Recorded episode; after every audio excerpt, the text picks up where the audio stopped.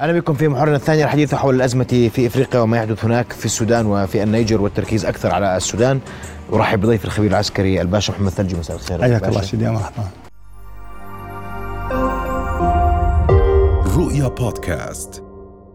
يعني ما يحدث في السودان يتعقد يزداد تعقيدا وبات اليوم المشهد ضبابيا. يعني ما حدش عارف لوين رايحه الأمور في السودان. برأيك ما الذي يحدث؟ اولا آه، آه، شكرا لك على هذه الاستضافة أخي محمد ولبرنامج نبض البلد حقيقة الذي يغطي الكثير من المحاور المحلية والإقليمية والدولية وربما يكون البرنامج الوحيد الذي يغطي هذه المحاور. أشكرك سيدي. حقيقة ما يجري في السودان وأنا أثني على ما ذكرت بأن المشهد ضبابي هو فعلا المشهد ضبابي وخاصة ما يتعلق بالمشهد السياسي في السودان. المشهد هو مشهد معقد مركب سياسيا وعسكريا. هنالك عوامل كثيرة تزيد من تعقيد هذا هذا هذا الموقف وهذا المشهد وخاصة فيما يتعلق ب يعني العوامل المحلية داخل السودان والعوامل التي تؤدي إلى زيادة تعقيد هذا هذا المشهد. أيضا العوامل الإقليمية والتدخلات الإقليمية والتدخلات الدولية التي تزيد من ضبابية المشهد السياسي وربما أنها يعني لا تعطي املا أو بالحل السياسي في المستقبل القريب المبني على التفاهمات العسكرية فيما بين الطرفين المتنازعين.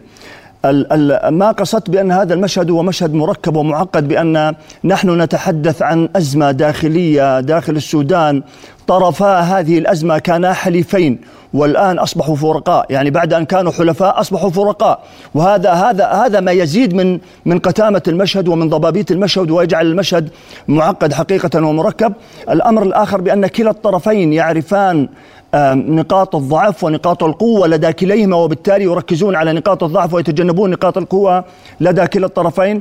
التوازن فيما يتعلق بالموازنة العسكرية فيما بين قوات الدعم السريع الذي يقودها آه، الملقب بحميدتي محمد حمدان دقلو وعبد الفتاح البرهان قائد الجيش السوداني ورئيس مجلس السيادة. توازن القوى ربما يميل بشكل كبير إلى صالح القوات السودانية القوات المسلحة السودانية ولكن إذا نظرنا إلى تركيبة الميليشيات التي يقودها آه، فهي تتكون من حوالي من 80 إلى 100 ألف مقاتل لديهم حوالي 10 آلاف عربة يعني مسلحة ولديهم يعني العديد من الإمكانيات العسكرية التي زودها بهم أطراف خارجية واقليميه ودولية. آه هذه هذه الأطراف حرصت على أن تكون قوات محمد حميدتي قوية بما يكفي أن يفرض كلمته السياسية والعسكرية على المشهد العسكري والسياسي في السودان. وهذا أدى إلى إلى إلى آه عدم وجود أرضية مشتركة سواء كان من الناحية العسكرية أو من الناحية السياسية آه، للتوصل إلى تفاهم لحل هذه الأزمة. آه، آه، الأمر الآخر آه، التدخلات الإقليمية كان لها شأن كبير في تعنت الطرفين وعدم يعني وجود تنازلات من كلا الطرفين في عفوا في الوصول إلى طاولة مفاوضات وبالتالي الوصول إلى أسس مشتركة لحل هذه الأزمة بما يضمن تنفيذ الاتفاق الاطاري الذي كان متفق عليه والذي كان هو أحد أسباب الخلاف بالمناسبة فيما بين آه، عبد الفتاح البرهان وبين آه، محمد آه، حميتي الأمر الآخر كان هنالك يعني تدخلات عربية في صالح أحد الطرفين سواء كان مع حميتي أو مع عبد الفتاح برهان. كانت هذه الأطراف تريد أن يعني ترجح كف الطرف على الطرف الآخر وبالتالي هذا أدى إلى أدى إلى أن يزداد المشهد أيضا سوءا. الأطراف الدولية روسيا تدخلت في, الصراع. آه، لها علاقات قوية مع حميتي وخاصة مجموعة فاغنر العسكرية. آه، هنالك استثمارات مشتركة فيما بينها وبين ميليشيات قوات الدعم السريع. وهذا ربما كان أحد النقاط الخلافية فيما بين الطرفين. الأمر الآخر بأن هنالك كانت تحالفات أيضا ما بين حميتي وبين أطراف إقليمية أخرى مثل حفتر على سبيل المثال وإثيوبيا التي كانت على خلاف ولا تزال على خلاف مع السودان. الأمر الذي أثار حفيظة القيادة السياسية والعسكرية في السودان وبالتالي أدى إلى نشوء خلافات لم يستطع الطرفان حلها. الضحية الوحيدة سيدي في هذا الصراع هو الشعب السوداني والسودان ومقدراته.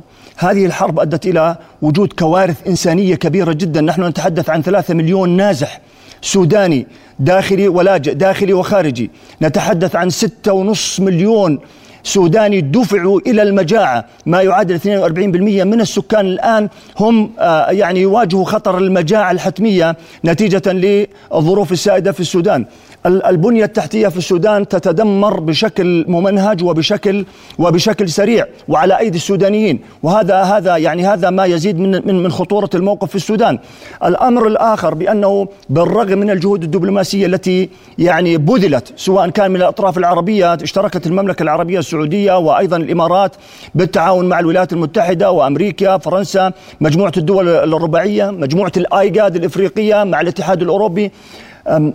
كان هنالك اتفاق على أكثر من هدنة ولكن جميع هذه الاتفاقات باءت بالفشل ولم يتم التوصل.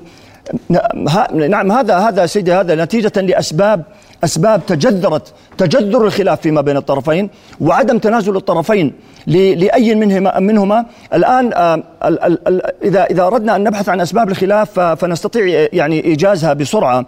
أولا الاتفاق الإطاري كان هو سبب من أسباب الخلاف. كان هذا الاتفاق ينص على أن يتم دمج قوات الدعم السريع ضمن قوات المسلحة السودانية ضمن سنتين وهذا ما لم يوافق عليه محمد حمدان حميتي على هذا الدمج نظرا ل انه أنه يعني يرى بأن هذا الدمج سريع هذا سيقلص من نفوذه سيقلص من قوته وبالتالي هو يعني لا يريد أن يفقد نفوذه قبل عملية انتقال السلطة إلى المدنيين وبالتالي يا ربما يؤثر على مكانته السياسية ومكانته العسكرية وبالتالي يتم التخلص منه وهذا آم آم كان كان أحد النقاط التي رفضها حميتي وبشكل كبير. الأمر الآخر عملية الانتقال السلمي للسلطة أو للمدني للسلطة عبد الفتاح البرهان كان يرى بأنه لن تنتقل السلطة إلا بتوافق سياسي كامل فيما بين جميع الأطياف السياسية السودانية وبالتالي يكون هنالك إجماع من قبل القوى الحرية والتغيير والائتلاف الحرية والتغيير والقوى السودانية الأخرى على أن يكون هنالك حكومة وحدة وطنية يعني قادرة على المحافظة على الأمن الوطني. محمد حمدان حميدتي كان يرى بأنه يجب أن تقوم هنالك حكومة مدنية بما يتوفر من أحزاب توافق الإطار ال ال ال ال ال الاتفاق الإطاري. وبالتالي هذه كانت رؤية ربما كان فيها مغازلة سياسية من قبل محمد حمدان حميتي لهذه الجماعات وبالتالي كسب ودهم. ولكن هذا كان في نظر البرهان بأنه لا يحقق يعني أهداف الاتفاق الإطاري وبالتالي ربما يهدد الأمن الوطني السوداني في المستقبل وبالتالي كان هنالك خلاف. الأمر الآخر كما ذكرت سيدي من أسباب الخلاف الرئيسية بأنه إدارة الملفات الخارجية. محمد حمدان حميتي كان له علاقاته السياسيه كما ذكرت مع إثيوبيا مع ليبيا مع حفتر مع فاغنر مع روسيا مع جهات أخرى كانت تدعم وجوده كعنصر سياسي وعسكري فاعل.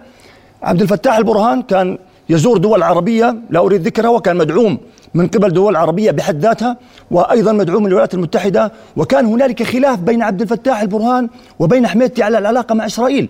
كل منهما كان يحاول أن تكون يعني يكون هو في الواجهة في العلاقة مع إسرائيل وبالتالي كان هنالك خلاف وربما في لحظة من اللحظات احتج عبد الفتاح البرهان على يعني علاقة حميدتي مع إسرائيل وبالتالي آه وجه خطاب إلى السلطات الإسرائيلية بأنه يعني هو الرجل الأول وهو من يمثل القيادة السياسية في في السودان. اذا هذه النقاط الخلافية ونقاط أخرى سيدي يعني يطول ذكرها عشان نتفق باشا نعم. هي خلاف بين فردين بين شخصين الخلاف بين الشخصين على مصالح شخصية وليست على مصلحة السودان. يعني بالأساس المصلحة السودانية كانت مغيبة في هذا النزاع. المصلحة كانت قائمة أو الخلاف والصراع كان قائم بين شخصين بين رجلين على السلطة على النفوذ على الثروة وهذا ما زاد الموقف تعقيدا. هذا رأيي الشخصي طبعا من خلال ما قمت به من دراسات كثيرة وما قمت به من أبحاث حول هذه الأزمة وأكاد أجزم بأنه إذا تم حل الخلاف الشخصي فستحل الأزمة السودانية. بس في مجال نحل الحل الشخصي بعد ما كل ما ذكرت الحل الشخصي حل ما بين رجلين ممكن اليوم؟ آه. هل أحدهما يستطيع يقبل يدرس يبحث قد يفكر يوما بتقديم تنازلات أم أن المعركة تستمر؟ هذا يعتمد على السيناريوهات التي ربما يؤول إليها الصراع. هنالك ثلاث سيناريوهات ربما يؤول إليها الصراع. وقبل أن أذكر السيناريوهات سيدي الأزمة السودانية هي أزمة مولدة لأزمات أخرى. وربما سأعرج على ما ذكرت بأن الأمم المتحدة ذك يعني ذكرت ونوهت في أكثر من من مجال وكذلك دول المجاورة وخاصة مصر بأن الأزمة السودانية إذا لم يتم السيطرة عليها فإنها ربما تتفجر أزمات أخرى في الدول المجاورة. وربما أنا لا أريد أن أربط يعني بشكل لا يوجد هنالك رابط ولكن ربما كان هنالك دافع من قبل القوى الانقلابية في النيجر لأن تقوم بهذا الانقلاب وبالتالي كان هنالك حافز يعني لهذه المجموعة الانقلابية بأن تقوم باحتجاز الرئيس محمد بازوم وبالتالي تضعه قيد الاعتقال هو ومجموعة من الوزراء النيجيريين. وهذا هذا ربما أيضا آه، ربما فجر أزمة أخرى. القارة الإفريقية ليست بحاجة لها هي لديها ما يكفي من الأزمات سواء كانت الأزمات السياسية أو الأزمات الإنسانية أو ما يتعلق بالإرهاب أو التطرف أو ما يتعلق بأمن منطقة الساحل الإفريقي وإلى غير ذلك من هذه الأزمات. وبالتالي اليوم نرى بأنه ربما يكون هنالك تدخل من قبل مجموعة الايكواس الإفريقية في في النيجر وقد هددوا بأن هنالك مهلة وهذه المهلة على وشك النفاذ وهنالك ربما احتمال لهذا التدخل ربما ينجح هذا التدخل. لأنه مدعوم من قوى غربية. جميل. وربما لا ينجح هذا التدخل لأنه يعني كما اوردت التقارير الأخيرة بأن هنالك انقساما داخل دول الإيكواس حول التدخل في النيجر وأن هذا التدخل ربما يزيد جميل. من صعوبة الموقف. سيناريوهات أزمة السودان بدقيقة لو سمحت. ثلاث سيناريوهات السيناريوهات سيدي السيناريو الأول هو انتصار القوات المسلحة السودانية وبالتالي هذا الانتصار ربما يعني يمكن عبد الفتاح البرهان من إعادة تأسيس الموقف السياسي أو المشهد السياسي مرة أخرى وربما يزيد من فترة الانتقال للسلطة المدنية وهذا ربما يعيد الكرة إلى يعني آه، آه، المشهد الشعبي. نعم وهذا ربما يعني يعطي فترة ومهلة أخرى وبالتالي ستكون سيكون الحكم العسكري هو الحكم القائم بالرغم من مدنية السلطة ولكن العسكريين سيكون لهم القول الأول جميل. والأخير في في في هذا المجال السيناريو الثاني السيناريو الثاني هو انتصار محمد حميدتي وهو انتصار غير وارد أو غير يعني نسبة انتصاره هي ضئيلة لأنه لا يوجد هنالك يعني آم آم تأييد إقليمي ولا محلي بشكل كبير لمحمد احمدتي وتجربته السياسية هي تجربة ضحلة وبالتالي قيادته للمشهد السياسي ستكون ضعيفة. الثالث الثالث سيدي هو أن يصل الطرفين إلى نهاية نهاية بأنه لا انتصار في هذه الحرب وبالتالي الرضوخ إلى طاولة المفاوضات عنوة عنهم وبالتالي تفرض الحلول السياسية من الخارج واضح. وهو سياسه الأمر الواقع. أشكرك كل الشكر الخبير العسكري الباشا محمد ثلجي على وجودك معنا ليلى شكرا جزيلا. رؤيا بودكاست.